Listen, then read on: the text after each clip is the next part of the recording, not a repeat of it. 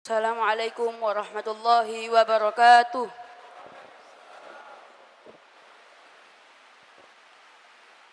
أعوذ بالله من الشيطان الرجيم.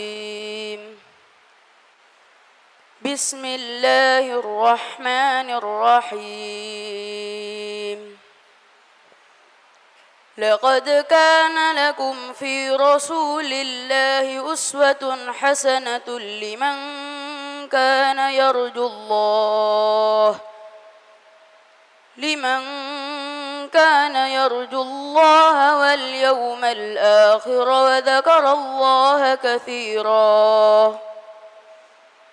ولما رأى المؤمنون الأحزاب قالوا هذا ما وعدنا الله. قالوا هذا ما وعدنا الله ورسوله وصدق الله ورسوله. وصدق الله ورسوله وما زادهم إلا إيمانا وتسليما. من المؤمنين رجال صدقوا ما عاهدوا الله عليه. فمنهم من قضى نحبه ومنهم من ينتظر وما بدلوا تبديلا. ليجزي الله الصادقين بصدقهم ويعذب المنافقين إن شاء أو يتوب عليهم. إن الله كان غفورا رحيما. صدق الله العظيم. والسلام عليكم ورحمة الله وبركاته. Assalamualaikum warahmatullahi wabarakatuh. Alhamdulillah alladzi الحمد لله الذي بنعمته تتم الصالحات الحمد لله الذي أرسل رسوله بالهدى ودين الحق ليظهره على الدين كله وكفى بالله شهيدا أشهد أن لا إله إلا الله وحده لا شريك له وأشهد أن محمدا عبده ورسوله اللهم صل وسلم وبارك على محمد وعلى آله وصحبه أجمعين. يا أيها الذين آمنوا اتقوا الله وقولوا قولا سديدا. يصلح لكم أعمالكم ويغفر لكم ذنوبكم. ومن يطع الله ورسوله فقد فاز فوزا عظيما. أما بعد muminin dan muminat jamaah Masjid Al-Irsyad juga para pendengar di Suara Muslim Surabaya dan Lumajang saudara saya Mas Zubed yang selama ini bertemu dengan saya cuma di udara baru sekarang bertemu wajah karena kalau siaran saya belum pernah lihat wajahnya dan para masyaikh, para ustadz, ulama semua yang dirahmati Allah Subhanahu wa taala. Alhamdulillah tadi dijemput oleh Ustaz Rahman Baraja. Alhamdulillah eh, perjalanan panjang sampai Surabaya sini. Karena semalam saya dari Jeddah kemudian tadi landing setengah 12 siang.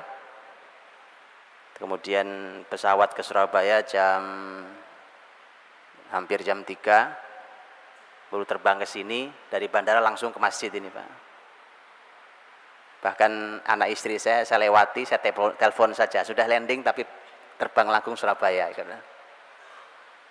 Alhamdulillah bertemu dengan Sesriku yang dirahmati Allah Subhanahu wa taala tempat ini. Mudah-mudahan tidak mengurangi semangatnya. Kita malam hari ini akan membincangkan tentang sesuatu yang sangat istimewa tetapi sudah sering terabaikan. Padahal kalau kita laksanakan, dia tidak sulit. Tak ada yang sulit. Cuma masalahnya kita ini sudah terbawa oleh arus besar hari ini, kemudian menjadi bangsa yang kalah, akhirnya kita mengatakan kita susah untuk mengubahnya. Tidak ada yang sulit. Kita akan membicarakan tentang sesuatu yang sederhana kalau kita laksanakan hidup ini nikmatnya luar biasa, sehatnya luar biasa, yang lebih penting lagi adalah berkahnya luar biasa. Kalau kita mau lakukan dengan sebaik-baiknya, subhanallah. Tentu karena hanya sampai Isya, walaupun Isya nanti nyambung, saya nggak tahu sampai jam berapa ya. E, rasanya memang tidak mungkin selesai tema ini. E, saya membuat visi dengan teman-teman itu kita buat tiga seri, gitu. Tiga seri itu baru sampai dari sholat subuh Nabi Shallallahu Alaihi Wasallam sampai waktu terbit matahari. Tiga episode sendiri. Di Jakarta Ramadan lalu saya diserahi setiap Sabtu dan Ahad di Masjid Raya Pondok Indah, Jakarta. Sabtu Ahad, Sabtu Ahad sepanjang Ramadan diserahkan ke saya untuk menyampaikan materi keseharian Nabi. Berarti paling tidak ada delapan, delapan Sabtu, delapan hari itu hanya sampai dari sholat subuh sampai waktu duha. Nah sekarang saya nggak tahu dikasih berapa menit pak. Kecuali kita bicara sampai besok subuh, nah mungkin pak.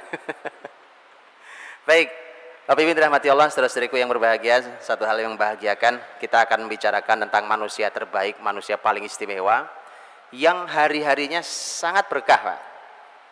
Karena bicara tentang keseharian Nabi, kita bicara keseharian itu artinya kita akan bicara tentang apa sih 24 jam yang dilakukan oleh Nabi Shallallahu Alaihi Wasallam. Saya ingin bicarakannya dalam tiga poin. Poin pertama adalah tentang e, betapa seperti apakah produktivitas usia Nabi Shallallahu Alaihi Wasallam sebagai sebuah mukaddimah Betapa kalau orang mengatur waktunya dengan seperti Nabi SAW, sebaik Nabi maka hasilnya diharapkan sama. Yang kedua adalah saya akan sampaikan secara global, tentu tidak dalam, secara global 24 eh, jam itu apa saja yang dilakukan, tapi global. Kalau masih ada waktunya saya akan sampaikan poin ketiga, saya ingin detailkan di beberapa poin. Dan terserah mau detailkan di mana, di beberapa poin kita akan detailkan di kegiatan Rasulullah SAW. Seseriku dirahmati Allah Subhanahu wa taala. Dalam hadis yang diriwayatkan oleh Imam Ibnu Majah dalam sunannya, hadis sahih Nabi Shallallahu alaihi wasallam pernah menyampaikan kepada kita a'maru ummati ma baina sittin ila sab'in wa aqalluhum man yujawizu dhalik umur umatku antara 60 sampai 70 tahun dan sedikit yang melewati itu Kalimat Rasulullah SAW. Jadi kalimat tepat, Pak. Jadi kalau saya boleh bertanya kepada Bapak Ibu yang rahmati Allah, karena hari ini kadang-kadang kita membuat teori tapi jauh dari konsep ilahi. Kita membuat teori begini, Pak. Seiring dengan semakin sejahtera sebuah bangsa, maka seiring itu umur semakin panjang. Betul? Silahkan dikoreksi. Kalau Nabi mengatakan, ente mau sejahtera apa pun, umur umatku 60 sampai 70 saja rata-ratanya. Qat'i ini, ini baru wahyu qat'i. Makanya jangan mudah jangan mudah orang terbawa hanya oleh sebuah penelitian bahwa orang makin sehat mungkin lebih sehat, eh, lebih makmur, lebih sehat mungkin saja. Tapi urusan umur kan bukan urusan orang sakit, Pak. Juga bukan urusan orang sehat. Umur umatku ini kata Nabi SAW 60 sampai 70 tahun. Coba antum perhatikan. Ketika Rasulullah SAW menyampaikan hadis ini, ternyata beliau meninggal pada usia 63 tahun. 60 sampai 70. Beliau yang bersabda, beliau yang memberikan ternyata Allah tetapkan sesuai dengan sabdanya. 60 sampai 70, 63 tahun beliau wafat. Abu Bakar As-Siddiq radhiyallahu anhu, khalifah pertama muslimin sahabat terbaik Rasulullah SAW. Waktu meninggal tahun 13 Hijriah. Berapa usianya? 63 tahun. Sama dengan nabinya. Umar bin Khattab radhiyallahu anhu meninggal pada pada tahun 23 Hijriah. Dengan karya besar. Bahkan nyaris tidak ada tandingannya hari ini. Susah mencari tandingan pemimpin sampai hari ini sepanjang sejarah Islam orang seperti Umar bin Khattab radhiyallahu anhu 10 tahun dia menjadi khalifah. Dan meninggal pada usia 63 tahun. 63 tahun. Utsman Ibn Affan radhiyallahu anhu lebih lama memimpin 12 tahun menjadi khalifah. Sahabat yang sangat luar biasa 6 tahun pertama kepemimpinannya adalah hari-hari yang paling disenangi oleh muslimin sangat indah. Kemakmuran keadilan kesejahteraan lembutnya pemimpin dan seterusnya. Umar Uthman maaf Uthman meninggal tahun 36 Hijriah. Pada usia? Bukan bukan 63 tahun. Antum salah. Kali ini antum salah. Uthman meninggal dengan usia lebih tua 80-an tahun. Ali bin Abi Thalib radhiyallahu anhu khalifah keempat sepupu Nabi sallallahu alaihi wasallam sekaligus menantu beliau inilah orang yang melahirkan sayyidah syababi ahli jannah Al Hasan wal Husain yang oleh Nabi disebut sebagai dua pemimpin Eh, para pemuda di surga. Ali bin Abi Thalib radhiyallahu anhu meninggal pada tahun 40 Hijriah. Pada usia Nah, jadi nggak berani jawab antum sekarang. Gara-gara tadi salah. Pada usia 63 tahun. 63 tahun. Lihat empat khalifah terbaik ini, manusia terbaik di zaman Rasul, empat khalifah. Dan Rasulullah SAW empat dari lima orang empat di antara mereka meninggal di usia 63 tahun. Ada yang 63 tahun di sini umurnya? Angkat tangan pak ya kan? 63 tahun ya kan? Walaupun saya tidak tahu apa hikmahnya saya membaca sirah ini tidak tahu apa hikmahnya tentang 63 tahun apakah 63 adalah usia terbaik untuk meninggal saya juga tidak tahu ya kan? yang jelas orang-orang mulia ini meninggal pada usia 63 tahun hanya Uthman radhiyallahu anhu yang usianya sampai 80 tahun. Saya mati Allah Subhanahu wa taala. 63 tahun kalau diukur dengan usia pensiun Indonesia, kita pensiun di Indonesia usia eh, 5 50, Pak. 55 tahun. 55 tahun artinya usia 55 tahun pensiun kemudian Eh, setelah itu hanya tersisa 8 tahun dan wafat. Masalah di kita adalah lihat masalah di kita, Pak. Dan ini harus dijawab oleh kita semua. Waktu kita masih kecil seperti adinda kita siapa tadi namanya? Hafizahullah, Masya Allah, mudah-mudahan Allah berkahi dengan Qurannya. Uh, beliau di usia kecil sudah dekat dengan Al-Quran. Tapi berapa banyak negeri ini anak-anak kita di usia kecil kalau melakukan sesuatu atau kita kasih dia suruh hafal Quran. Usia SD SMP lah paling jauh gitu ya. Hafal Quran 30 juz. Nanti orang bilang kasihan pak masih kecil. Begitu sudah dia tumbuh menjadi usia remaja atau pemuda kemudian disuruh dia belajar Islam dia bilang susah pak remaja. Begitu dia naik menjadi seorang yang sudah bekerja atau kuliah paling tidak kemudian bekerja disuruh belajar Islam. Kemudian dibilang sibuk pak. Itu aktivitas di kantornya di kampusnya itu menyita waktu. Tidak sempat pak.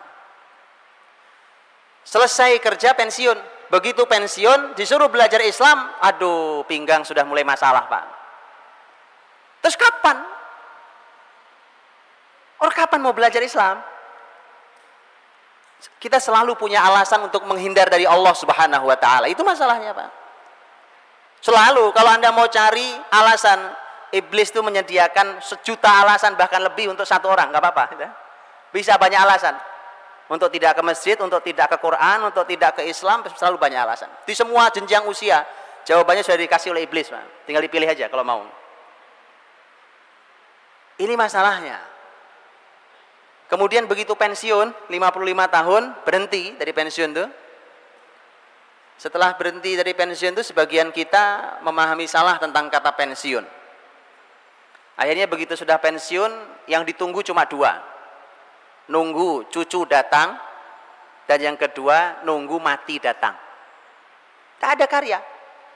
Sudah pensiun Pak saya. Yuk kita lihat Rasul kita. Apa itu kehidupan ayat yang dibaca tadi? Laqad kana lakum fi Rasulillahi uswatun hasanah liman kana yarjullah wal yawmal akhir wa dzakarallaha katsira. Apa itu kehidupan uswatun hasanah kita itu begitu? Nah, tidak, jauh. Mari saya urai sedikit, Pak. Supaya kita tahu bahwa kan kita semua tahu waktu yang kita miliki kalau kalimatnya Imam Al Hasan Al Basri rahimahullah taala ulama besar zaman tabi'in beliau mengatakan innama antal ayyam. Kalian itu kan hanya susunan hari-hari. Kita ini hanya susunan hari-hari. Idza dhahaba ba'duha dhahaba ba'duk. Kalau sebagian hari-hari itu berlalu berlalu pula sebagian dirimu. Ini matahari sudah terbenam hari ini ini hari Jumat maka satu Jumat ini kita sudah kehilangan sebagian dari diri kita. Terus terus lama-lama habis, Pak. Karena kita hanya susunan hari-hari. Nah, inilah yang kemudian ketika semua hari-hari itu akan ditanya di sisi Allah Subhanahu wa taala, masalahnya adalah kita mau menjawab pakai apa? Kalau setiap jenjang usia kita selalu punya alasan untuk lari dari Allah Subhanahu wa taala. Waktu kecil biarkan pasti kecil, masih usia bermain, waktu remaja susah diatur karena remaja, waktu kuliah dan bekerja sibuk dengan kuliah dan pekerjaan, waktu pensiun kesehatan sudah tidak menunjang, kemudian mati dalam keadaan. Naudzubillah min dzalik. Maka Bapak Ibu rahmati Allah SWT, Rasulullah Shallallahu alaihi wasallam hanya Allah berikan 63 tahun, usianya. Tugasnya sebumi, Pak. Ya, Bapak saat itu kejahiliahan itu merata di seluruh bumi, bukan cuma di Arab. Yang jahiliyah bukan cuma Mekah, Pak. Semua jahiliyah. Peradaban terbesar saat itu adalah Persia dan Romawi. Peradaban kejahiliahan itu yang mengajari ya Persia dan Romawi itu. Hanya dibagi dua, mereka saling perang di antara mereka. Kalau Persia adalah mewakili masyarakat yang tidak punya Alkitab, kalau Romawi adalah masyarakat yang punya Alkitab. Adapun masyarakat yang lain seperti masyarakat Arab, mereka tidak di bawah Persia, tidak di bawah Romawi. Tapi karena saat itu orang Arab adalah masyarakat yang tidak punya Alkitab, maka mereka lebih senang menginduknya ke Persia. Karena seperti kalimat para ulama, at-tuyuru ala Burung itu akan hinggap dengan yang sejenis gitu kan. Pasti ya, burung hinggap dengan sejenis. Makanya jahiliyah Mekah atau Arab itu lebih senang bergabungnya ke Persia daripada ke Romawi. Kalau ke Romawi kejauhan, Pak. Yang Romawi itu orang punya kitab. Tapi yang tidak punya kitab atau yang punya kitab sekalipun sama rusaknya. Jangan sampai kalimat ini ternyata aplikasi hari ini bisa masuk, Pak. Jadi jangan sampai kalimat ini cocok dengan hari ini. Ya, yang tidak ngerti Quran dan yang ngerti Quran sama rusaknya. Kan gak enak dengarnya. Tapi kalau itu kejadiannya, ini PR besar buat negeri yang diharapkan kebangkitannya oleh dunia Islam hari ini. Maka Rasulullah SAW tugasnya sebumi. Sebumi, Pak. Tugasnya adalah untuk menghapus kejahilian itu. Bukan cuma penjajahan, kalau penjajahan mah sederhana kan. Kalau di undang-undang kita kan menghapus penjajahan ya, Pak. Nabi tugasnya menghapus kejahilian. Tugasnya sebumi. Umur dikasih cuma 63 tahun. Apa yang bisa dikerjakan? Tapi lihat subhanallah. Inilah orang yang panduan hidupnya dari bangun tidur sampai tidur lagi dipandu oleh ayat. Dipandu oleh ayat, Pak. Rasulullah SAW. Makanya kalau kita nanti, kalau nanti saya sampaikan, kalau kita mau dipandu oleh wahyu, insya Allah Pak, berapapun usia yang Allah berikan berkahnya Masya Allah. Gak ada masalah. Masalah umur bukan wenang kita. Terserah Allah memberi berapa. Tapi yang penting adalah usia itu adalah usia yang diberkahi. Seperti kalimat Imam Nawawi rahimahullah taala yang Allah ambil di usia 45 tahun. Tapi Bapak Ibu boleh membaca hasil peninggalan karya-karya ilmu Imam Nawawi rahimahullah taala. Karyanya lebih panjang daripada ilmunya, daripada usianya. Kalau Riyadus Solihin mah kitab kecil, Pak. Riyadus Solihin karya Imam Nawawi itu kitab kecil sekali dibanding kitab beliau yang lain. Al-Minhaj, Syarh Sahih Muslim Ibn Hajjaj, itu penjelasan terbaik untuk Sahih Muslim karya Imam Nawawi itu berapa belas jilid, berapa banyak jilidnya? Kemudian ketika beliau menulis kitab fikih umpamanya Al-Majmu' Syarh Muhadzab, berapa banyak gitu ya. Begitu yang lainnya. Bayangkan usia hanya 45 tahun. Dan mana ada di dunia ini masjid yang tidak kenal kitab Riyadus Solehin? Betapa terangnya kubur Imam Nawawi rahimahullah ta'ala. Ilmun yuntafa'u bih. Ilmu yang bermanfaat. Itu jadi kita tanyakan, apa yang kita tinggalkan nih Pak? Begitu meninggalkan cuma harta, ternyata harta buat rebutan anaknya warisan. Rebutan berantem anaknya, saling fitnah, saling berantem, bahkan mungkin naudzubillah saling bunuh. Cuma itu peninggalan Anda? Bagaimana nanti kita menjawab di hadapan Allah tentang usia yang diberikan pada kita? Rasulullah SAW di 63 tahun, di usia 63 tahun itu beliau wafat itu satu jazirah Arab. Bapak Ibu bayangkan jazirah Arab ya. Jazirah Arab itu ada beberapa negara hari ini itu uh, satu jazirah Arab sudah masuk Islam. Hanya diawali dari Mekah yang saat itu Mekah Nabi SAW hanya mengawali dengan beberapa orang.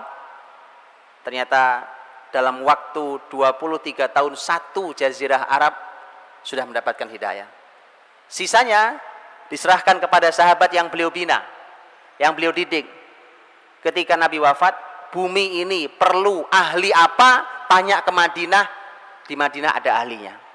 Insya Allah nanti kita lanjutkan di pembahasan kita yang berikutnya sudah ada isya namanya. Wallahualam bisawab.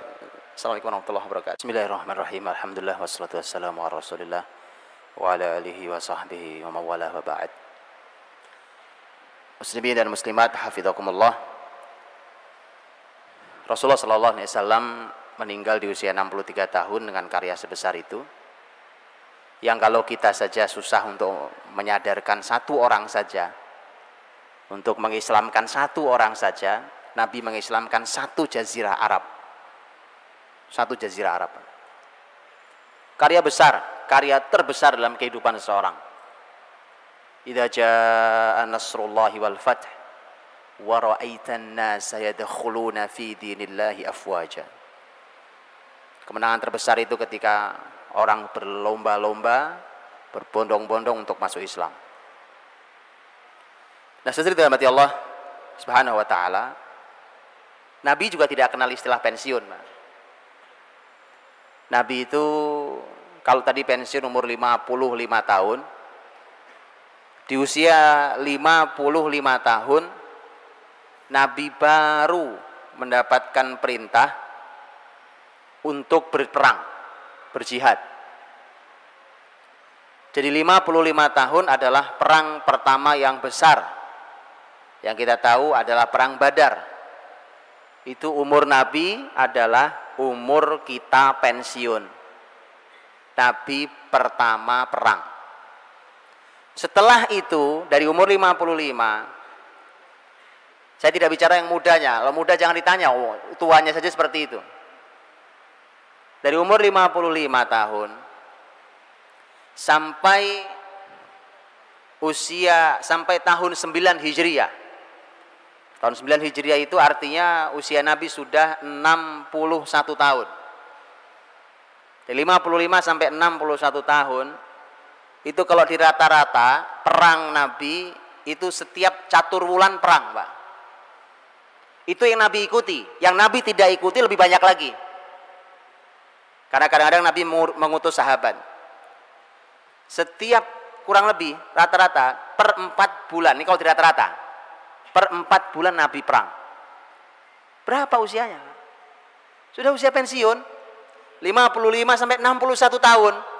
Kadang-kadang perang dekat. Khondak itu paling sekitar 5 kilo dari kota Madinah, dari Masjid Nabawi Uhud ya nggak terlalu jauh juga, paling 107 kilo. Tapi begitu kita bicara Khaybar, jauh, jauh sekali. Jadi kadang-kadang jaraknya dekat, kadang jauh, kadang musimnya sedang enak, kadang musim sedang sangat terik, sangat panas. Kadang lagi banyak makanan, kadang sudah tiga hari tidak makan. Subhanallah. Jadi itu usia Nabi. Tidak kenal, tidak kenal istilah pensiun yang artinya adalah nganggur terus nunggu mati menunggu cucu itu nggak ada, Pak. Tidak ada itu. Nabi SAW terus berkarya, terus berkarya, terus begitu. Yang menghentikan tugas Nabi SAW hanya wafat. Kemenangan besar terus naik, tapi kemenangan ketika tadi waraitan nasa yadkhuluna fi dinillahi afwaja.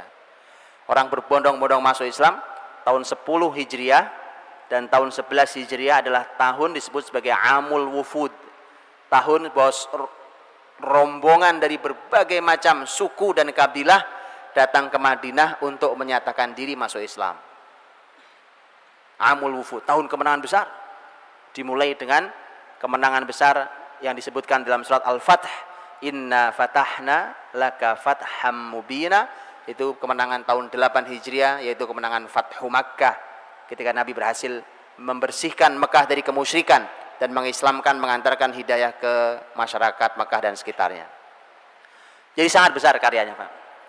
Begitu Rasul sebagai seorang guru, umpamanya, ini guru besar terbaik, Pak. Bisa dibayangkan bahwa para sahabat Nabi SAW itu kuliahnya sama Nabi, Pak, di Madinah. Dan kuliahnya nggak lama-lama.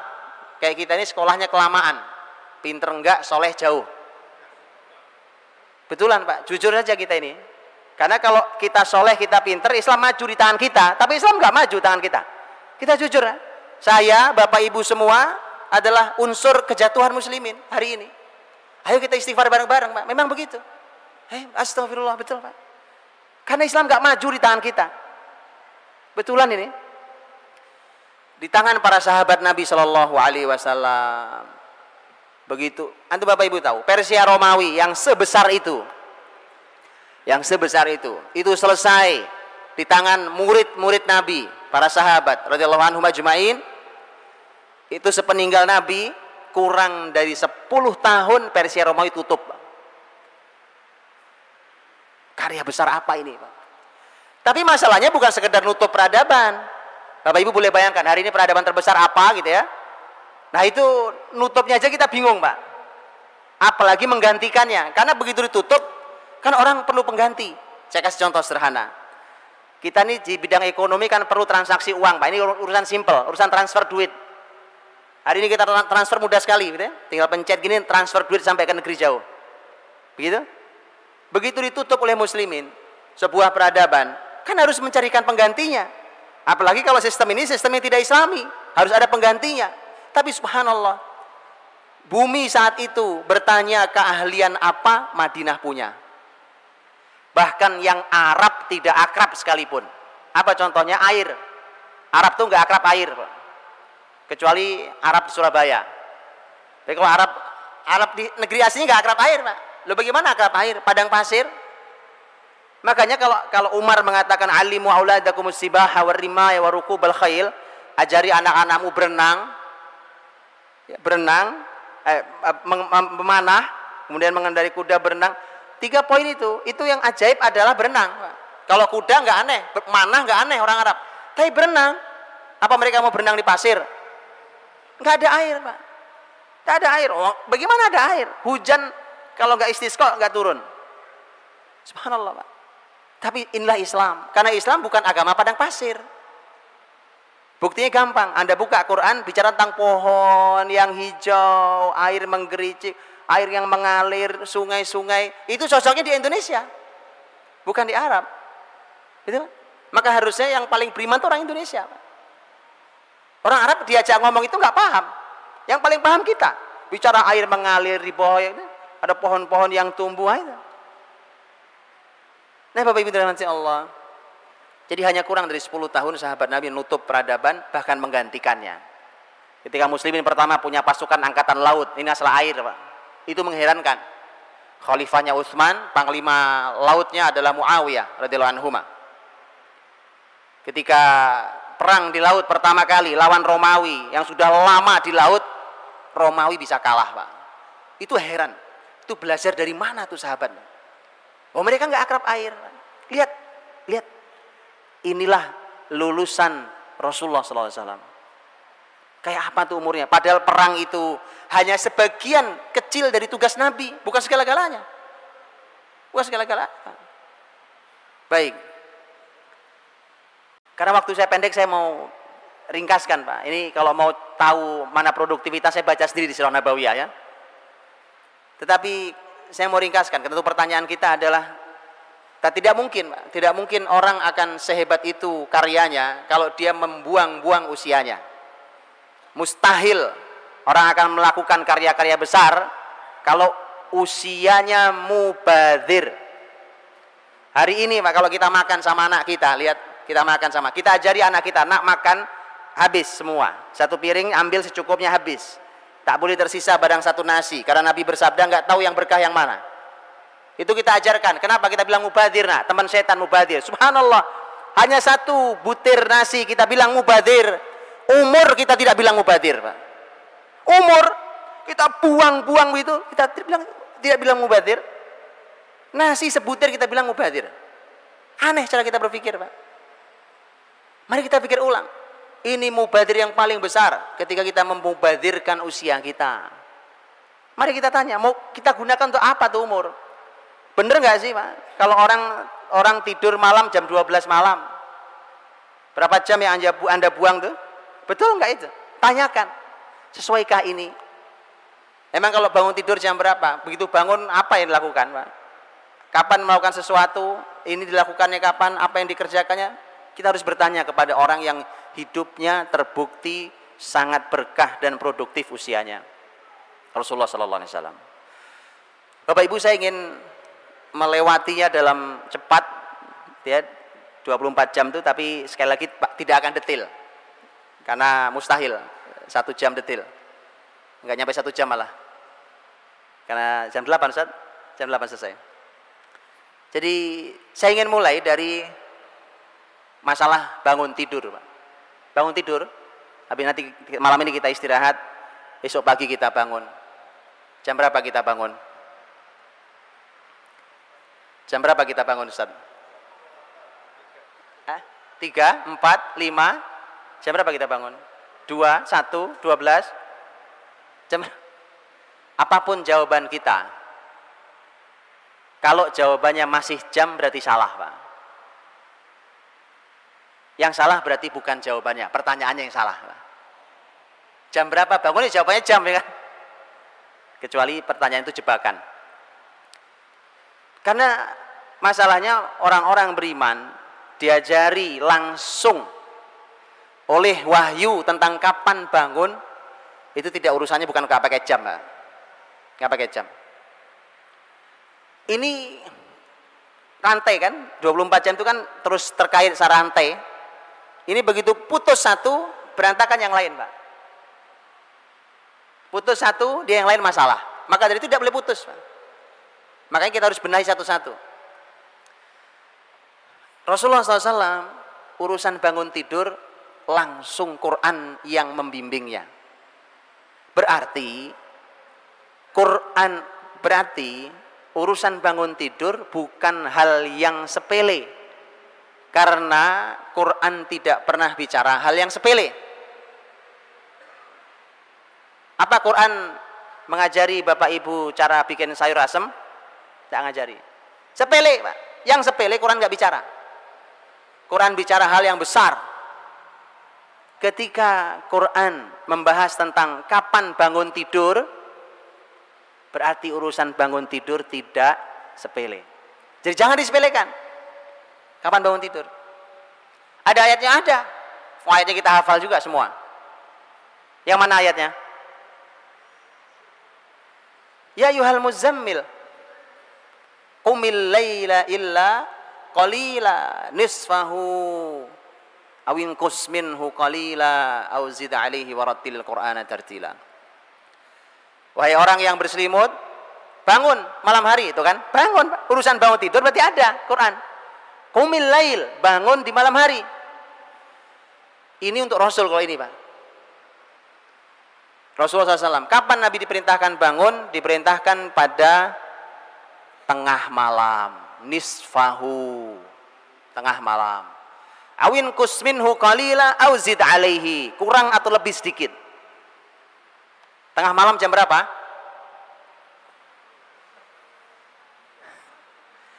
Lihat, lihat, Pak. Lihat mari kita lihat.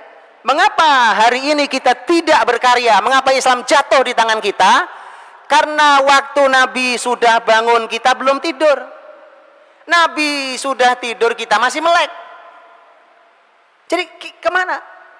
Nabi ke utara kita ke selatan, Nabi ke barat kita ke timur. Nggak pernah ketemu kita sama Nabi. Lihat ya. Tengah malam jam berapa? Gampang caranya. Karena malam dimulai dengan adzan maghrib dan malam diakhiri dengan adzan subuh. Dihitung dibagi dua itu namanya setengah. Nisfahu. Tengah malam Pak. Tengah malam Nabi sudah bangun. Kita baru tidur. Kesalahan pertama. Jadi saya Bapak Ibu saya pengen Bapak Ibu pegang pulpen kertas gitu. Satu, salah satu ini, salah dua nanti kasih contreng salah, salah, salah gitu Pak. Untuk mencocokkan. Pulang, lo kok salah semua, itu lain cerita. Mudah-mudahan nggak salah semua. Iya. Nilainya ya minimal 8 lah kan. Nah, nilai 5 nggak lulus Pak. Nggak lulus. Masalahnya kalau umur itu tidak ada ujian ulang. Nah, udah lewat. Baik. Jadi Nabi Shallallahu Alaihi Wasallam diperintahkan Allah bangun di tengah malam. Kalau tengah malam bangun, Pak, Bapak Ibu rahmati Allah, itu kan buat Rasul, karena memang mukhotabnya seruan di ayat itu memang untuk satu orang. Ya yuhal muzammil, wahai satu orang yang berselimut. Rasul SAW.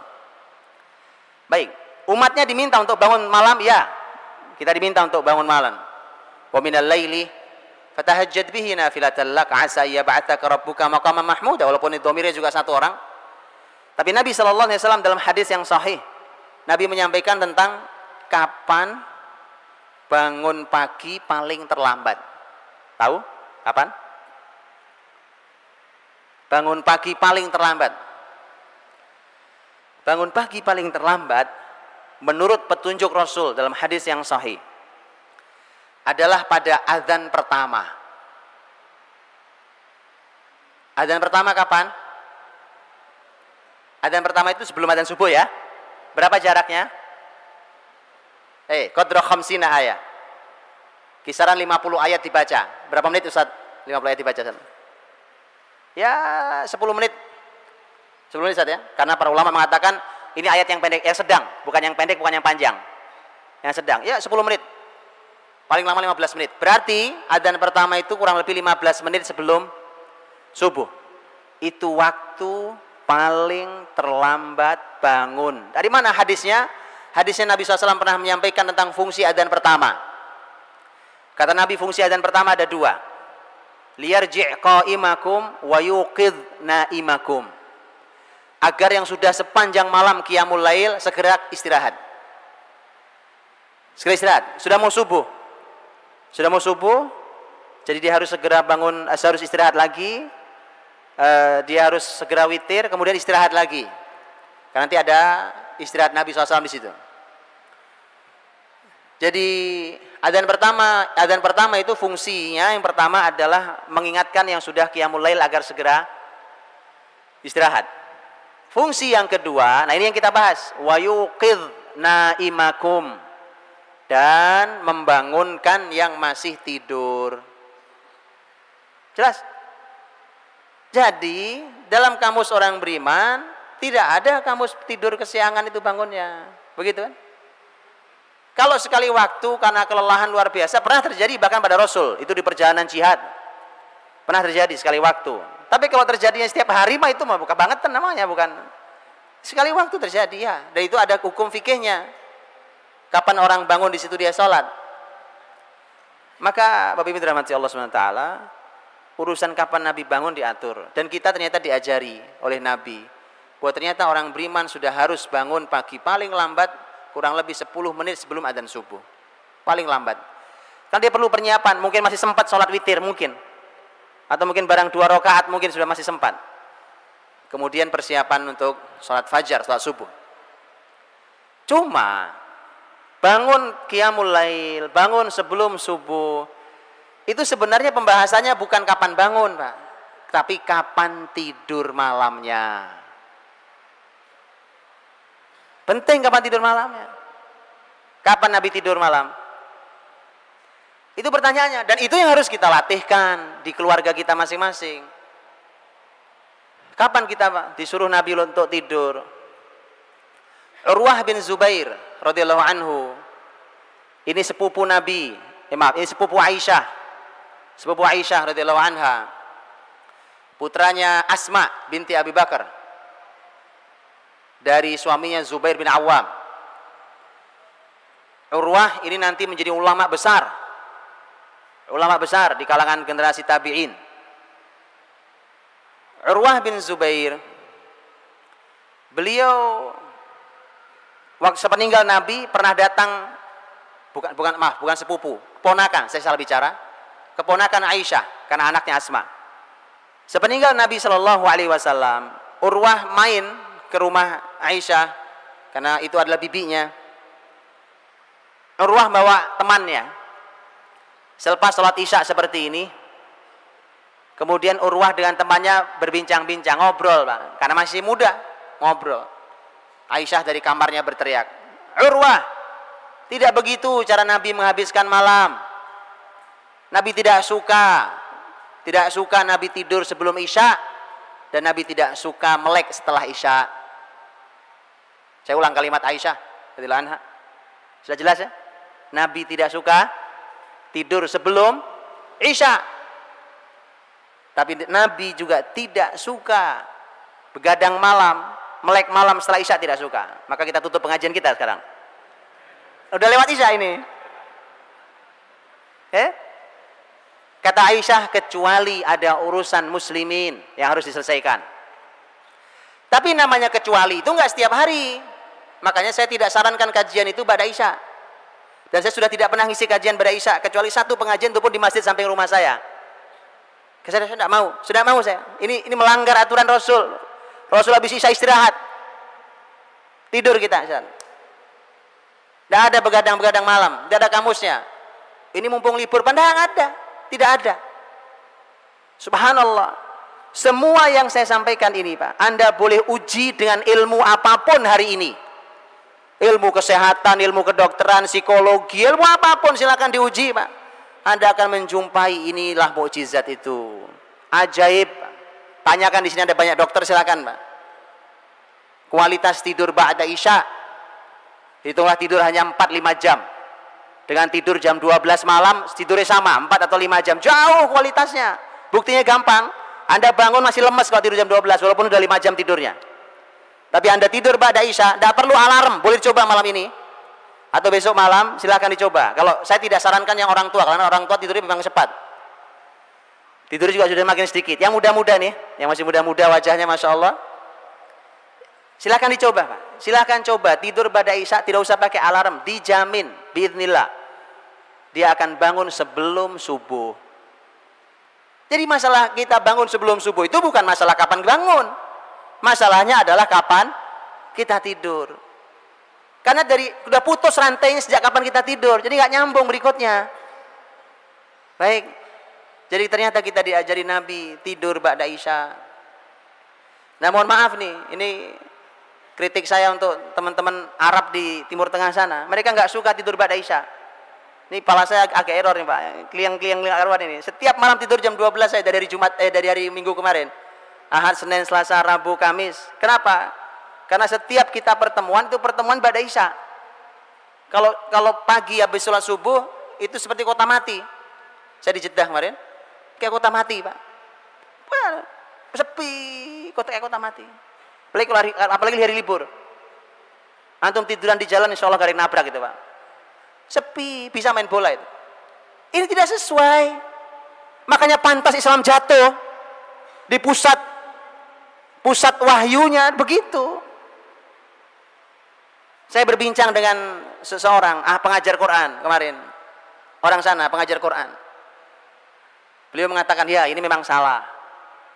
Tapi bagaimana lagi? Sekarang ada lampu, ada elektronik ini, orang masih bekerja. Saya bilang bukan alasan. Untuk menegakkan sunnah Nabi bukan alasan.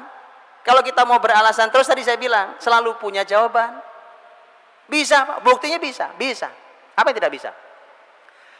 Antum bukan disuruh ngangkat masjid, disuruh tidur, Pak. Nggak susah kerjaannya.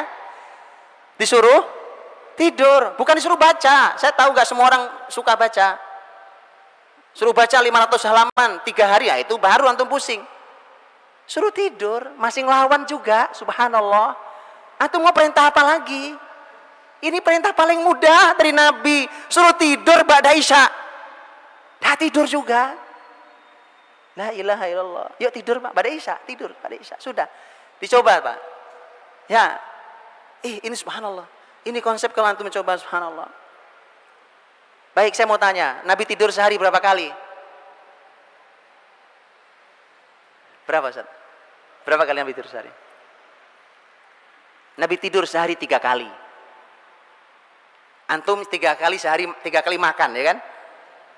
eh, kalau ada bapak ibu dokter, saya mau tanya di sini, karena saya sudah pernah tanya kepada dokter-dokter.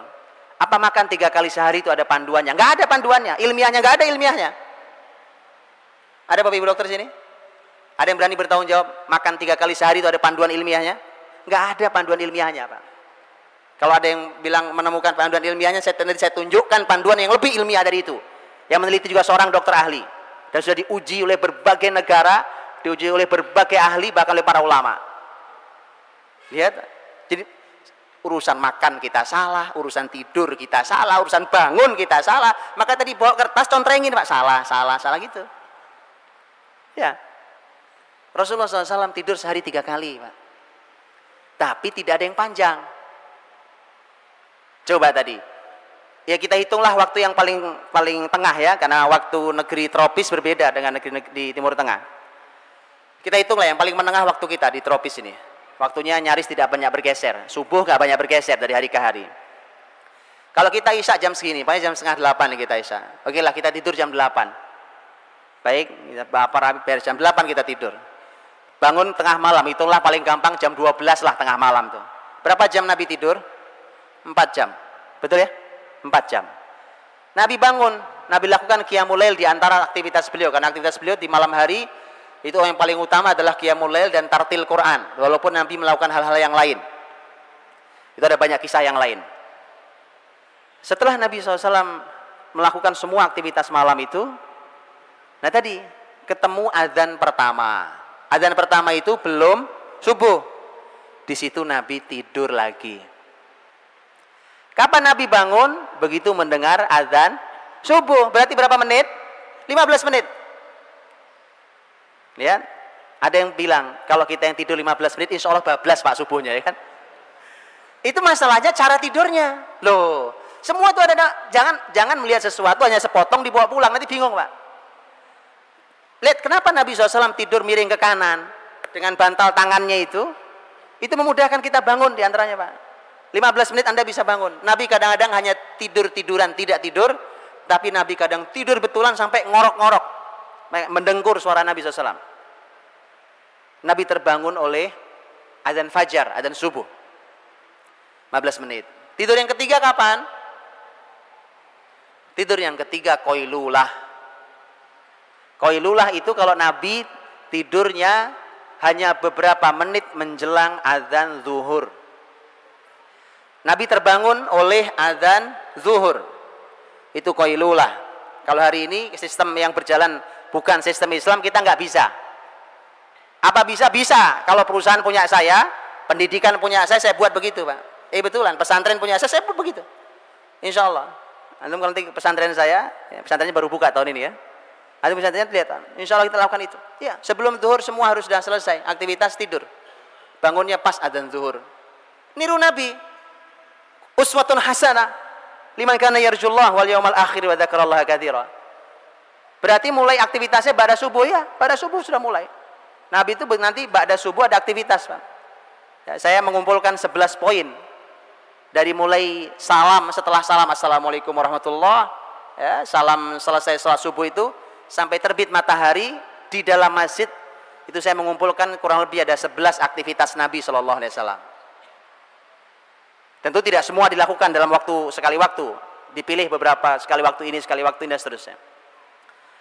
Dah ini Nabi tidur koilula Pak Subhanallah Orang kafir yang meneliti tentang bab ini Walaupun dia tidak meneliti hadis Tapi mereka meneliti tentang konsep tidur Di Amerika itu ada sebuah lembaga Namanya National Sleep Foundation Coba, Orang kafir sampai membuat lembaga tidur aja ada, ada foundationnya Ngurusi tidur ada lembaganya.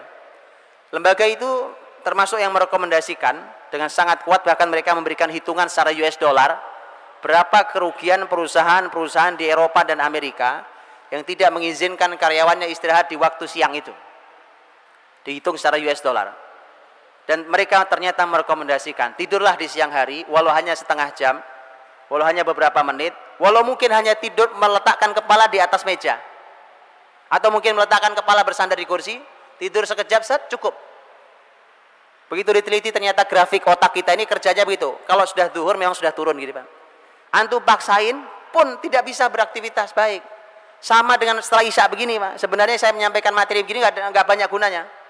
Karena udah turun begini grafik otak Pak. Itu udah otak tidur dipaksa bangun. Ini mohon maaf saya. Jadi saya mohon maaf ya Pak. Jadi kepala otak sudah harus tidur dipaksa bangun.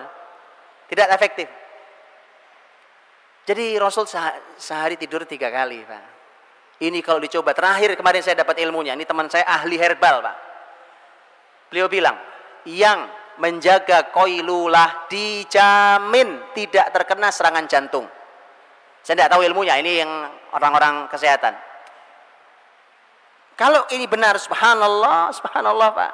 Hari ini jantung, penyakit jantung itu, itu menghantui semua orang. Subhanallah. Resepnya gampang, menghidupkan sunnah Nabi koilulah. La ilaha illallah, ya kan? Jadi, maka dari itu, ya ini tidur. Baik, Rasulullah SAW, kalau beliau sudah bangun di malam hari tadi kemudian sholat subuh berjamaah dengan Nabi SAW ya e, kalau disebut sholat untuk laki-laki memang di masjid tempatnya pak di masjid tempatnya tidak di rumah kecuali ada uzur syar'i sakit umpamanya ya, ya kalau laki-laki ya di masjid ya, kalau perempuan kata Nabi boleh di masjid boleh di masjid tapi kalau mau bicara yang utama utama di rumah tapi artinya bahwa laki-laki di masjid pak. untuk itulah anak-anak kita yang laki-laki mohon dibawa ke masjid pak Gak ada ceritanya laki-laki sholat di rumah. Di masjid, suruh ke masjid. Bicara tentang kebangkitan Islam, peradaban Islam, Allahu Akbar, ya kan? Setelah subuh gak kelihatan di masjid. Mana mau bicara peradaban Islam? Tidak ada, Pak. Salahuddin al-Ayubi mengukur apakah muslimin siap menghadapi pasukan salib itu, itu diukur dengan berapa yang hadir di sholat, sub, sholat subuh di Masjid Al-Umawi di Damaskus. Beliau ukur, Oh masih beberapa saf, nggak bisa menang jihad, nggak bakal. Ditunggu penuh oleh Salahuddin, baru diumumkan jihad.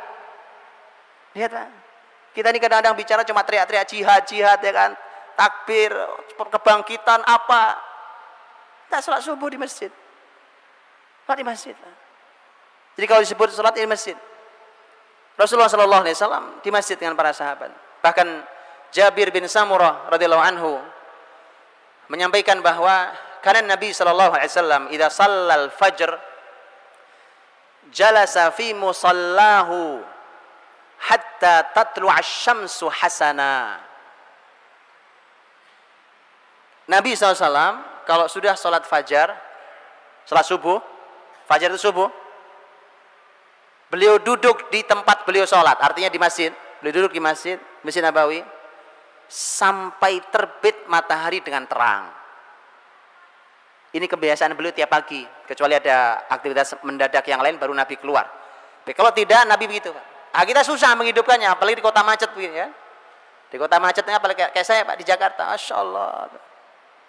Itu subuh salam langsung ber ke kantor, ya. macet. Saya tidak tahu kalau di Surabaya. Orang lihat tapi yang punya waktu, minimal kita punya waktu libur. Kita punya waktu libur. Boleh kita coba Pak. Sunnah yang mulia ini Masya Allah. Nabi SAW duduk di tempat sholatnya sampai matahari terbit.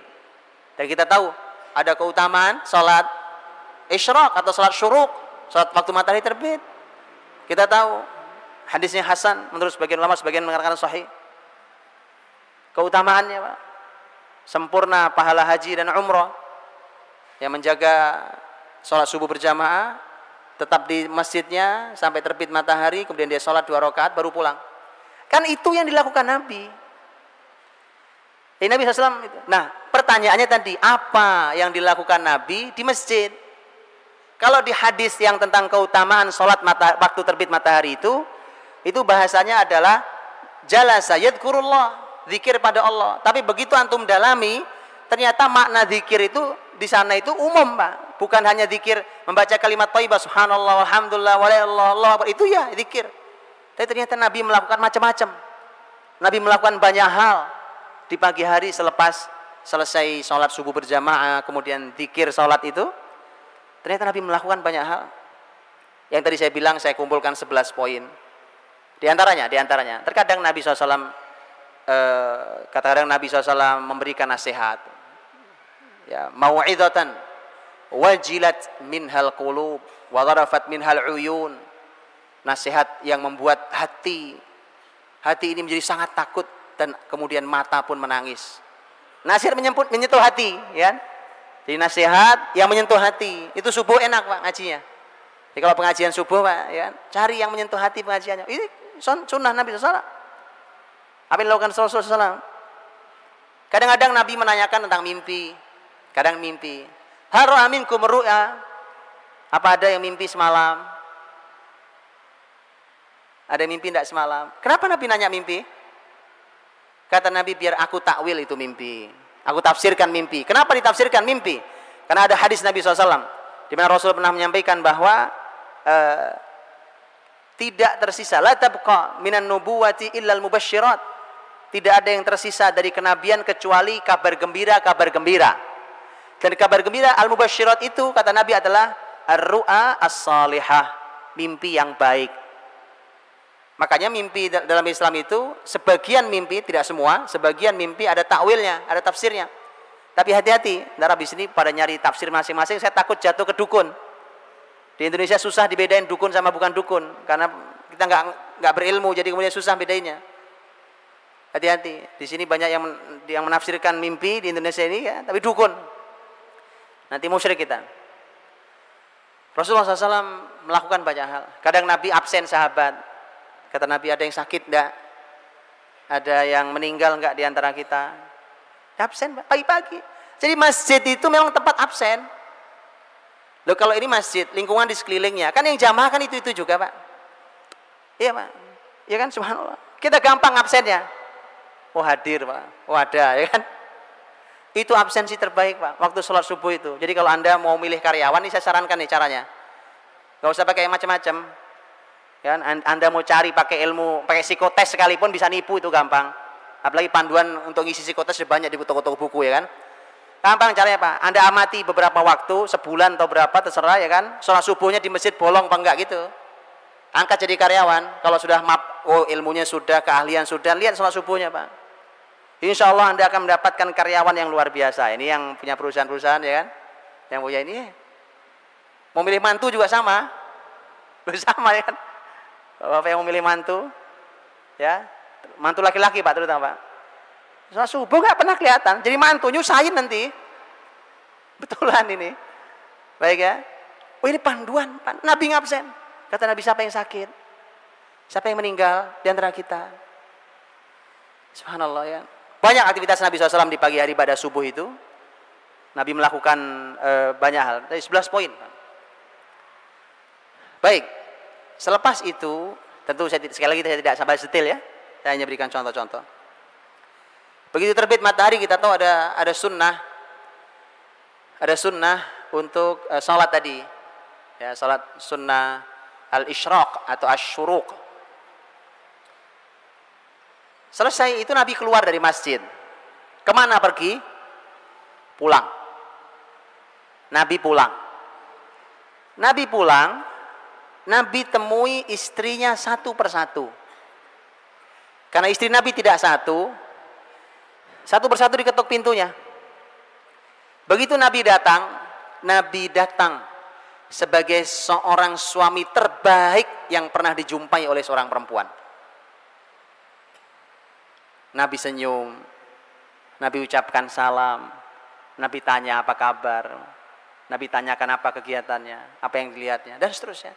Kadang Nabi menyampaikan nasihat ringan, kadang sekedar duduk bercengkrama. Subhanallah. Istri Nabi tidak satu, tapi semua terperhatikan. Lah kita ini istri cuma satu aja kok nggak keurus. Mari Pak belajar sama orang terbaik. Ini salah satu hikmah mengapa Nabi istrinya banyak. Memberikan contoh Pak, istri banyak Nabi semua terurus. Semua luar biasa.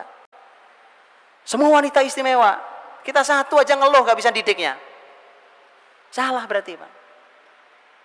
Ya, jadi Rasulullah SAW ketuk pintu satu-satu rumah istri, ditemui satu-satu. Selesai pindah lagi temui satu-satu karena rumahnya tidak berjauhan. Ketuk pintu satu-satu. Kalau rumahnya berjauhan ya ini resikonya susah ya kan, paling bisa nelpon. Nabi Nabi kadang-kadang bertanya kepada istrinya, seperti cerita Ummu Salamah radhiyallahu anha, juga Aisyah radhiyallahu anha. Nabi bertanya Nabi. Nabi bertanya kepada mereka, "Hal indakum syai'?" Lihat pertanyaan Nabi subhanallah, lihat katanya, "Hal indakum syai'?" Apa kamu apa kamu punya sesuatu? Ngerti maksudnya? Apaan? Nanya sarapan. Nabi tidak nanya ada makanan enggak ada, ada sesuatu enggak? Sesuatu. Dalam bahasa Arab kata syai nakiroh pula. Nakiroh itu tidak definitif, tidak ada alif lam nakirohnya. Syai nakiroh sepele, sesuatu yang sepele. Apa sajalah, apa saja. Karena syai itu sesuatu yang tidak definitif, tidak definitif. Jadi apa saja, sepele. Kadang-kadang Aisyah pernah bercerita, Ummu Salamah pernah bercerita. Kadang-kadang mereka mengatakan, nggak ada ya Rasulullah. Is rumah rumah Nabi nggak punya makanan pagi hari. Manusia terbaik itu. Tidak punya makanan. Kadang-kadang yang jawab tidak ada ya Rasulullah. Kalau tidak ada Nabi bilang, dan anak soim. Saya puasa. Jadi begitu Bapak Ibu, tolong urusan makan disederhanakan. Ada ya dimakan, nggak ada ya puasa selesai gitu loh. Hari ini gara-gara budaya kuliner, Makan menjadi rumit buat keluarga muslim. Bukan sekedar apa menunya, tapi bagaimana cara menyajikannya. Ada Bapak Ibu tahu? Ada sebuah rumah makan, karena kita udah bosen dengan makan cara biasa, itu makan di sampingnya singa. Betulan. Tapi singa itu tutup pakai kaca tebal gitu, makan di samping singa, Pak. Ini ruang makannya itu singa. Kita sudah aneh cara kita makan, Pak. Akhirnya kita di kita ini makan kalau nggak gitu nggak ada nikmatnya. Apalagi menunya udah macam-macam menunya. Mari kita sederhanakan cara makan kita, Pak. Ayo, saya khawatir, Pak. Jadi jangan keluarga muslim tidak boleh mewajibkan kuliner. Sekali waktu boleh. Kuliner wajib tidak ada itu. Karena itu akan mendidik anak-anak Anda, membuat makan itu menjadi rumit. Padahal makan tuh oleh Nabi disederhanakan. Ada saya makan, nggak ada yang nggak makan. Puasa ya puasa. Bahkan Nabi mengatakan hal indakum syai. Kata syai, sederhana aja. Nggak ada ya sudah. Lihat. Jadi mohon ditiadakan kuliner, Pak. Oh ini PR besar. Hari ini kita mewajibkan sampai bapaknya kadang saking sibuknya dia punya kewajiban kuliner setiap minggu sekali keluar sama anaknya. Begitu dia sibuk gak sempat keluar dia minta maaf, minta maaf. Aduh maaf ya nah, ayah pekan ini sibuk sekali, mohon maaf gak sempat keluar makan sama kalian. Siapa yang mewajibkan? Tidak ada pak. Kalau alasannya ini untuk komunikasi, komunikasi anda bisa dengan cara apa pun hari ini. Mau SMS komunikasi, telepon komunikasi, email komunikasi, eh? ketemu komunikasi di rumah komunikasi, di jalan komunikasi, ngantar sekolah komunikasi, jadi masalah kita ini sebenarnya bukan itu alasan aja itu pak. Itu hanya alasan. Jadi boleh silahkan makan di luar dengan keluarga, masya Allah, jalin erat dan hangatnya rumah tangga. Tapi dalam Islam itu bukan sesuatu yang penting. Dia tidak penting. Suatu hari Rasul datang ke rumah istrinya. Kali ini Aisyah radhiyallahu anha yang bercerita. Begitu datang, Rasulullah SAW ditawari kali ini bukan Nabi SAW ketika ketika itu juga bertanya hal indakum syai? Apa ada sesuatu? Ternyata kata Aisyah ya Rasulullah uhdiyalana his. Kita dikasih hadiah oleh seorang sahabat itu his. His itu makanan korma dicampur dengan tepung dengan apa jadi his. Enak makanannya. Ya, kalau kalau ke Mekah Madinah Bapak Ibu bisa tahu. His. Dan his itu termasuk makanan kesukaan Nabi SAW tuh Pak sampai makanan yang Nabi sukai itu masya Allah gizinya pak anda tahu daging kambing ya Nabi bagian mana yang paling Nabi suka al katif katif nah katif di apa namanya nih eh, lengan lengan bagian atas. Di sini ada ahli daging nggak di sini? Tanyakan pada ahli daging, Pak. Apa hebatnya daging di bagian itu dibanding bagian yang lain? Subhanallah. Jadi yang disukai Nabi pun bukan sederhana. Ya. ya. Rasulullah SAW ketika mendengarkan kalimat Aisyah, ya Rasulullah kita dikasih hadiah his. Dan his itu aku simpan untukmu. Karena Aisyah tahu ini kesukaan suaminya. Nabi SAW mengatakan, yaudah sini bawa sini. Padahal tadi itu tadi saya sudah niat puasa. Nabi batalkan puasa sunnahnya. Kalau puasa wajib tidak boleh dibatalkan. Kecuali ada udur syar'i. Yang betul syar'i. Tapi puasa sunnah boleh dibatalkan. Untuk hal yang lebih penting, yang wajib. Nabi SAW mengatakan saya batalkan dibatalkan puasa sini, saya makan. Ambil pelajarannya, Bapak Ibu dirahmati Allah.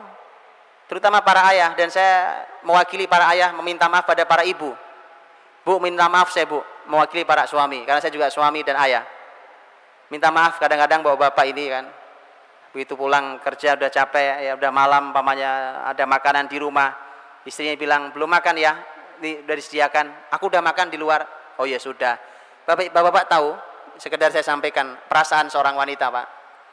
Itu begitu bilang ya sudah itu, itu ngenesnya sampai besok malam itu. Kadang-kadang gini loh, Pak. Anda jangan sepelekan. Ada ada makanan di meja makan kita. Itu makanan untuk sampai di meja makan. Itu bisa jadi persiapannya sudah dua minggu itu. Betul Bu? Suatu hari seorang istri ingin menyajikan makanan yang paling dicintai suaminya. Maka dia mulai cari resep baru, resep apa yang baru. Dia browsing dulu di internet, cari masakan. Oh, dibanding-bandingkan dulu. Habis itu telepon temennya, jeng aku mau masak gini, SMS lagi. Ini kok kurang apa enggak ya rasanya? Oke, persiapannya lama itu pak. Terus nanti ke pasar nyari bahan, nggak ada pula di pasar satu pindah ke pasar yang lain. Dia masak seharian dia masak pak. ini agak agak ini sedikit, hiperbola sedikit. Jadi lama, itu untuk sampai makanan di meja makan itu subhanallah itu melibatkan waktu, tenaga, hati dan cinta. Eh, enggak gampang, Pak. Begitu pulang tahu-tahu suaminya bilang, "Aku udah makan sama teman-teman di luar." Ya Allah, makanya saya minta maaf nih, Bu, mewakili para suami. Para ibu mohon maafkan, maafkan kami kadang-kadang laki-laki nggak punya rasa. Yang beginilah kami diciptakan Allah SWT kan. Jadi mohon dimaafkan. Insya Allah mulai malam ini kita akan belajar, Bu. Sentuhlah makanan itu, makanlah itu, ucapkan kalimat yang mulia. Siapa yang masak nih? Aku yang masak. Luar biasa istriku ya kan. Istri Allah ya kan. Masalah rasanya nggak jelas itu nomor sekian pak. iya, loh, nggak boleh menghina makanan kan. Ini Rasulullah Sallallahu Alaihi Wasallam eh, memberikan penghargaan pak. Karena makanan itu di hati seorang wanita nggak gampang pak. Nggak seperti di hati laki-laki. Laki-laki simpel-simpel aja mah udah gampang itu mak Berbeda Pak. Lihat Aisyah dikasih hadiah his, nggak dimakan, ingat suami. Suami makan di luar sama teman-temannya, nggak ingat istrinya. Aisyah makan, ingat suaminya. Mau makan, nggak jadi. Disimpan, nunggu Rasul datang. Dan Nabi memberikan penghargaan, subhanallah. Bahkan Nabi puasa sunnah hari itu, Nabi batalkan. Agar dia bisa menyenangkan istrinya. Karena ini makanan hadiah, bukan sekedar sesuatu yang dimakan, tapi ini adalah pemberian hati dari seorang istri, Pak. Indah bukan? Makanya kalau mau belajar parenting jangan dari yang lain, dari Nabi. Belajar parenting sama orang kafir, ya kan? Teori barat, semua teori-teori macam-macam. Belajar sama Rasul, Pak. Terbukti istri tidak satu, anak tidak satu, cucu tidak satu, tapi keluarga paling bahagia di muka bumi. Sampai ke akhirat nanti. Mari kita belajar sama Rasulullah SAW ya, sampai urusan makan Nabi ajarin. Baik, Selesai temui istrinya satu-satu satu-satu. Nabi balik ke masjid. Balik ke masjid. Berarti masuk waktu duha. Waktu duha ternyata adalah waktu yang paling panjang Nabi menyampaikan ilmu kepada para sahabatnya. Itu waktu berilmunya Nabi yang paling panjang. Dari duha hingga waktunya koilulah. Tadi menjelang zuhur Ya kalau nggak sempat menjelang zuhur ya setelah zuhur Pak. Setelah zuhur antum koilulah boleh ya. Sebentar kan ada jam istirahat siang kalau di kantor satu jam ya lumayan. Koilulah.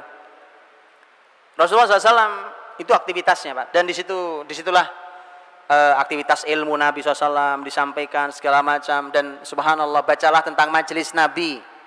Itulah itulah kampus Nabi itu sekolahan Nabi Pak. Hasilnya yang tadi saya ceritakan di awal. Hasilnya generasinya kayak begitu ini majelisnya ini majelisnya Rasul wafat dunia perlu ahli apa Madinah punya? Madinah punya Pak. Maka dari itu begini cara belajarnya. Harus diulangi hari ini juga sama Pak pendidikan kita ya kan cara ngajarnya apa yang diajarkannya nggak tahu itu konsepnya siapa Teori muter, muter ikan sekolah, pinter enggak, soleh enggak tadi saya bilang itu. Karena bukan konsep Nabi SAW. Kalau konsep Nabi itu subhanallah Pak, singkat, singkat, kurikulumnya mudah, hasilnya dahsyat. Hari ini kita kurikulum banyak, waktu banyak, kuliah sampai S1 aja umur udah 22 tahun. Lulus S1 masih bingung mau ngapain, kan? nikah nggak berani, kerja masih nyari, mau ngapain? 22, 22 tahun Muhammad Al-Fatih jadi sultan. 23 tahun Umar bin Abdul Aziz jadi gubernur. 17 tahun anaknya Umar bin Abdul Aziz Abdul Malik jadi menteri. Begitu Pak. Usama bin Zaid 18 tahun jadi panglima. Abdullah bin Abbas 15 tahun jadi staf ahli negara kekhilafan Umar bin Khattab. Kita ini 22 tahun masih baru lulus S1 bingung jauh Pak jauh mari kita pikirkan ulang ada pola hidup kita yang salah ada keseharian kita yang salah dan itu kita masih pertahankan di anak-anak kita. Jangan diulangi, Pak. Rasul waktu duha, waktu belajar bersama sahabat. Waktu yang paling panjang dan di situ terjadi banyak hal, terjadi peristiwa ilmu tentang ngajar, ilmu cara mengajar, apa yang diajarkan, apa yang ditanamkan di situ. Belajar di situ semua. Di situlah konsep sekolah sampai kampus di situ, Pak. Di situ konsepnya. Dan banyak peristiwa e, majelis Nabi kadang-kadang kalau yang hadir jumlahnya tidak banyak Nabi buat lingkaran. Setengah lingkaran gitu Nabi duduk di sini, ngajar. Nabi duduk di bawah. Tapi begitu nanti di akhir kehidupan beliau, beliau duduk di, di atas kayak saya begini. Dan setelah itu inilah yang dipertahankan oleh dunia pendidikan Islam. Dua-duanya pertahankan, duduk bareng dengan gurunya sejajar dan duduk gurunya di atas lebih tinggi dari muridnya. Makanya Bapak Ibu bisa lihat di Masjidil Haram Masjid Nabawi hari ini pun masih dipertahankan. Gurunya duduk di kursi lebih tinggi daripada muridnya. Dan itu beda Pak. Dengan posisinya berbeda antara guru sejajar duduknya dengan muridnya dengan ini ilmu sendiri. Ilmu sendiri. Nah, itu nyaris nggak pernah dibahas kan? Nyaris nggak pernah dibahas. Kita tidak pernah punya panduan. Dalam Islam dua-duanya ada. Kadang-kadang kalau yang hadir sedang banyak Nabi buat soft, dua soft. Dua soft itu maksudnya kanan dan kiri, bukan soft ini. Tapi soft kanan kiri. Nabi di tengah. Kenapa tengah dikosongin? Fungsinya adalah kalau ada orang yang datang ke Rasul untuk keperluan bertanya atau keperluan yang lain, dia boleh memotong majelis Nabi. Dia langsung datang ke tengah mendekat ke Nabi, duduk di depan Nabi, langsung bertanya. Setelah itu dia boleh pergi karena punya keperluan yang lain. Subhanallah, majelis Nabi indah. Nah, di situlah kemudian kualitas para sahabat Nabi juga beda-beda. Karena kadang-kadang seseorang tidak bisa hadir setiap hari, ada yang setiap hari hadir, bahkan bukan setiap hari, setiap saat bersama Rasulullah SAW. Seperti Anas bin Malik, Abu Hurairah radhiyallahu anhu. Baik. Begitu sampai koilulah Nabi koilulah. Istirahat. Bangunnya zuhur. Begitu selesai begitu selesai zuhur, kita tahu zuhur Nabi SAW zuhur. Begitu selesai zuhur, Nabi duduk dengan para sahabatnya kadang-kadang kadang-kadang tidak. Tetapi kalaupun Nabi duduk dengan para sahabat di majelis, kalau ada ilmu yang beliau sampaikan, tidak lebih panjang daripada sebelum zuhur. Pada zuhur itu lebih pendek. Kadang-kadang Nabi SAW memanfaatkan waktu itu untuk ziarah. Menziarahi cucunya, menemui cucu-cucunya, menemui anak-anaknya. Terkadang Nabi manfaatkan itu juga untuk mengontrol pasar, controlling pasar Nabi jalan mengontrol pasar, melihat aktivitas ini syar'i apa tidak syar'i, benar apa tidak benar. Seperti ketika Nabi menegur tentang seorang yang menjual korma yang ditutupi atas sama yang bawah beda, Pak. Itu kerjaan pedagang, sebagian pedagang hari ini juga gitu. Dan itu penipuan dalam Islam. Mana ghasyana falaysa minna, kata Nabi. Yang menipu begini ini bukan bagian dari kami. Tidak boleh lakukan itu. Nabi masukkan tangan begitu, Ternyata yang atasnya sama yang bawah beda. Nabi kontrol pasar. Karena Nabi punya pasar, Pak. Pasar muslimin. Ini PR besar sendiri. Bapak Ibu kalau yang pernah ke Masjid Nabawi atau paling nggak lihat Masjid Nabawi ya, bayangkan Masjid Nabawi saya mau cerita. Masjid Nabawi itu bayangkan kiblatnya. Ini ada saya sekarang ada kiblat nih Masjid Nabawi gitu ya, bapaknya. Sebelah kanan Anda sebelah kanan Anda ini ngadep kiblat nih saya. Di sebelah kanan Anda itu kurang lebih di pojokan pojokan pagar Masjid Nabawi yang sebelah kanan depan. Ya, sekali lagi saya ngadep kiblat. Itu dulu adalah pasar terbesar milik Yahudi yaitu pasar Bani Koinuko. Ternyata Nabi SAW membangun pasar muslimin itu di sebelah sininya Pak. Sebelah kanan juga, tapi agak ke belakang. Lihat, Nabi berani membangun ekonomi face to face dengan Yahudi. Baru perekonomian bisa diambil oleh muslimin. Hari ini, konsep syariah tidak jalan Pak di pasar. Karena pasar punya Yahudi. Nggak bisa jalan lapangan punya orang, Anda mau punya aturan sendiri nggak boleh sama yang punya. Muslimin harus punya pasar sendiri. Konsep syariah dijalankan. Kalau perlu face to face untuk supaya langsung orang lihat mana yang lebih berkah, mana yang lebih maju, mana yang lebih hebat, begitu pak. Kalau perlu lihat mana yang lebih ramai pasarnya. Ya, Nabi adu pasar face to face berhadapan. Itu dilakukan, Nabi SAW melakukan controlling sehingga tidak boleh Nah ini juga konsep. Ketika Umar bin Khattab radhiyallahu anhu menjadi khalifah, beliau mengumumkan di pasar muslimin, la yabi' fi suqina hadha illa man faqih wa illa akala riba radhiya am aba. Tidak boleh jualan di pasar kita ini kecuali orang yang fakih. Orang yang punya ilmu, fikih, muamalah benar. Ngerti dia. Fikih muamalah jual beli itu bagaimana? Kalau tidak, maka dia akan pasti akan memakan riba baik dia rela ataupun terpaksa. Ali bin Abi Thalib radhiyallahu anhu saat dimintai izin oleh seorang seseorang, "Wahai Ali, saya ingin bisnis mulai jualan dagang, maka doakan saya." Kata Ali, "Kamu sudah belajar fikihnya? Fikih jual beli, fikul buyu', jual beli?" Dia bilang, "Bagaimana kalau saya belajarnya sambil jalan?" Nah, ini kesenangan kita nih learning by doing bahasa kerennya. Pada itu baca parah itu, Pak. Learning by doing ya kan, saya sambil jualan tapi sambil belajar fikih muamalah. Kata Alillah, belajar dulu fikihnya baru kamu jualan. Lihat Pak, kita jualan pun salah sekarang ternyata. Fikih buyuk udah ngerti, jualan iya, bisnis sudah gede, perusahaan udah 15. Fikih jual beli tidak tahu. Akhirnya kita makan yang haram, baru begitu uang haram banyak kita bingung datang ke Ustadz Gimana Ustadz? Banyak duit haram di saya. Ya, kemarin tidak mau belajar. Disuruh belajar susah. Kan? Begitu sekarang sadar dia bingung. Sudah bingung, yang haram sudah terlanjur banyak, menarik keluarnya susah pula. Makanya Pak, Islam ini, ini konsep dalam Islam. Ya, yang sudah terlanjur ya segera belajar fikih muamalah. Yang punya usaha belajar Pak. Ada fikihnya kan? Ada fikihnya. Dalam fikih ada bab al jual beli. Ya Rasul ada melakukan controlling terhadap pasar, Eh, kadang kunjungan ke rumah anak-anak eh, cucunya dan seterusnya. Nabi berinteraksi dengan anak cucunya itu pelajaran sendiri. Bagaimana Nabi berinteraksi anak berinteraksi dengan cucu dan segala macam. Singkat kata masuk waktu asar. Gitu? Masuk waktu asar. Dengan semua aktivitas Nabi itu. Mas, masuk waktu pasar sholat. Begitu sholat selesai asar selesai asar adalah waktu yang paling pendek dan nyaris Nabi tidak duduk dengan sahabat lama-lama di masjid, tidak berlama-lama dengan para sahabat di masjid. Sudah lelah seharian, Pak.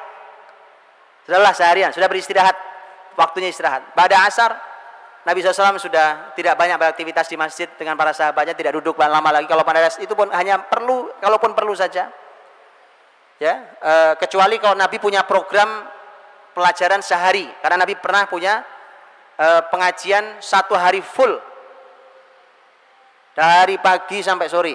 Itu ada. Apalah kita nyebutnya hari ini? Eh, apa nyebutnya hari ini? Pokoknya belajar seharian full ya kan? Mau daurah mau workshop mau apa itu Nabi pernah punya. Nabi pernah juga punya daurah 20 hari. Hadis sahih dalam riwayat Bukhari. Dan seterusnya. Jadi Nabi SAW kalau sudah sore sudah pada asar itu sudah tidak terlalu banyak kegiatan. Apa kegiatan beliau? Kegiatan beliau tadi bersilaturahim berkunjung kadang-kadang ada sahabat datang ke beliau ya Rasulullah eh, ini Saya mau menyembelih onta, tolong disaksikan. Jadi para sahabat senang apa pun disaksikan Nabi, berkah Pak. Dikunjungi orang-orang soleh, makanannya dimakan sama orang soleh. Makanya ada doanya, akala ta'amakumul abror. Ya, makananmu dimakan oleh orang-orang baik. Berkah makanan kita ya Pak. Kasih makanan orang-orang baik itu. Dia senang sahabat. Nabi datang, Nabi datangi, untuk itu ya untuk kam, apa motong onta, motong kambing, sampai masak, sampai makan bersama dan seterusnya. Nanti kadang berkunjung ke rumah sahabat yang lain. Kadang eh, Anas pernah meminta Nabi untuk berkunjung ke rumahnya untuk Nabi sholat di rumah Anas. Ini nggak pernah kita lakukan ya Pak. Minta orang yang soleh nyolati rumah kita Pak. Belum pernah kita lakukan ya. Itu Anas pernah minta Pak. Pernah minta. Nah, sore hari menjelang maghrib Nabi melakukan aktivitas yang sama dengan yang Nabi lakukan setelah terbit matahari. Apa itu? Menemui istrinya satu persatu. Subhanallah. Beginilah bahagianya rumah tangga, Pak. Ada istri yang oleh suaminya disapa dengan sebagai seorang suami terbaik dua kali dalam sehari mengawali hari dan menutup hari. Makanya para istri selelah apa pun kalau begitu nikmat pak kerjanya di rumah ya kan nyaman. Oh, dikasih, masya Allah beban istri nggak sederhana. Tapi kalau suami memberikan yang terbaiknya, masya Allah istri semangatnya luar biasa. Nabi temui satu-satu. Cuma kalau yang sore ini agak berbeda. Bedanya adalah kalau Nabi tidak cukup waktu, umpamanya tadi nemeni sahabat motong kambing kan lumayan motong kambing, nguliti, masak kan butuh waktu itu. Kalau waktunya tidak mepet maghrib, maka Nabi tidak mengunjungi satu-satu. Tapi Nabi langsung ada di rumah istri yang dapat jatah malam itu. Kan jatah malam digilirkan. Istri yang punya jatah malam itu Nabi langsung di situ. Nah semua istri sudah tahu, oh Nabi nggak datang nih karena berada kesibukan, maka semua istri kumpul di rumah itu. Duduk bersama bareng-bareng, masya Allah, seorang suami, istri sekian, ya kan? Duduk bareng-bareng bercengkrama bersama, berbicara, bercanda, makan bersama, subhanallah. Nikmat bukan? Nanya doang saya, Pak. Saya juga nggak pengalaman masalahnya. Ya. Kalau Nabi cukup waktu, Nabi kunjungi satu-satu. Istri yang paling terakhir Nabi kunjungi adalah istri yang mendapatkan jatah malam itu. Jadi jadi rumah tangga itu ada aturannya, ada konsepnya, ya. Subhanallah jam sudah jam 8, Pak. Sudah habis waktunya. Baik, saya saya tutup kalau begitu bahwa kalau sudah maghrib, sudah maghrib kita tahu ada panduan dalam Islam tentang masalah maghrib. Maghrib ke Isya malam setelah ter, terbenam matahari itu sudah tidak ada aktivitas Semuanya sudah tinggal ibadah di situ. Kalau ada makan tentu ada makan di sana. Kadang-kadang makan Nabi, kadang-kadang ada maghrib juga makan. Terus begitu sampai kemudian tadi sudah langsung uh, badai isya. Badai isya bahkan kadang bahkan juga ada anjuran menunggu maghrib sampai isya kita tahu. Uh, dan isya isya Nabi setelah kita seperti kita tahu Nabi SAW selesai sholat isya Nabi langsung tidur Nabi langsung tidur uh, kecuali ada urusan muslimin. Dan isya itu ada sebuah satu sunnah yang kita perlu mencobanya. Tapi mohon mencobanya setelah ilmunya ada disampaikan juga ke masyarakat biar nggak jadi fitnah. Yaitu apa? Nabi SAW muadzin Nabi itu. Muadzin Nabi SAW Nabi punya dua muadzin Bilal dan Abdullah bin Umi Maktum.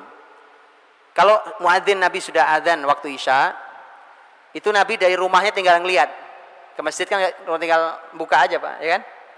Ya, di masjid lain juga nggak jauh. Kalau di masjid para sahabat sudah berkumpul banyak, Nabi segera keluar untuk segera sholat isya, kemudian selesai pulang istirahat. Tapi kalau Nabi lihat dari rumah kok sepi, rumah sahabat kok pada belum banyak datang, ada saja mungkin aktivitas apa segala macam, maka Nabi menunda sholat isya sampai tengah malam, baru sholat isya, berjamaah di masjid dan Nabi bersabda laula an asyqa ala ummati la amartuhum bi ta'khiri salatil isya'i ila nisfil lail kalau tidak memberatkan umatku, pasti aku perintahkan mereka untuk mengakhirkan sholat isya sampai tengah malam. Jadi khusus, khusus, khusus untuk sholat isya eh, dengan hadis ini maka ternyata waktu utamanya ada di tengah malam itu. Tapi tetap harus berjamaah. Gak boleh tengah malam sendirian di rumah. Sahabat sholat di masjid, ya karena laki-laki. Jadi sahabat kalau sudah mulai beranjak malam, nanti sahabat datang ke Rasulullah, ya Rasulullah, para wanita sudah tidur, anak-anak juga sudah tidur, mari kita sholat isya, kita belum sholat isya. Isya. Sholat isya, di, berjamaah di masjid sudah tengah malam. Pernah nyoba di sini? Belum ya? Ah, rasakan Pak, sholat isya di tengah malam berjamaah di masjid, rasanya beda banget. Betul, ini sunnah Nabi SAW. Bahkan bahkan tadi dengan hadis itu maka ternyata waktu kalau sholat sholat wajib yang lain waktunya di awal waktu, waktu utamanya. Untuk sholat isya Nabi mengatakan kalau tidak memberatkan umatku aku perintahkan mereka untuk mengakhirkan sholat isya sampai tengah malam. Allah alam mudah-mudahan yang sekilas bisa memberi gambaran. E, kalau detailnya ya perlu waktu cukup panjang. Wallahu alam kembali kepada saudara Zubaid. Wallahu alam. Assalamualaikum warahmatullahi wabarakatuh.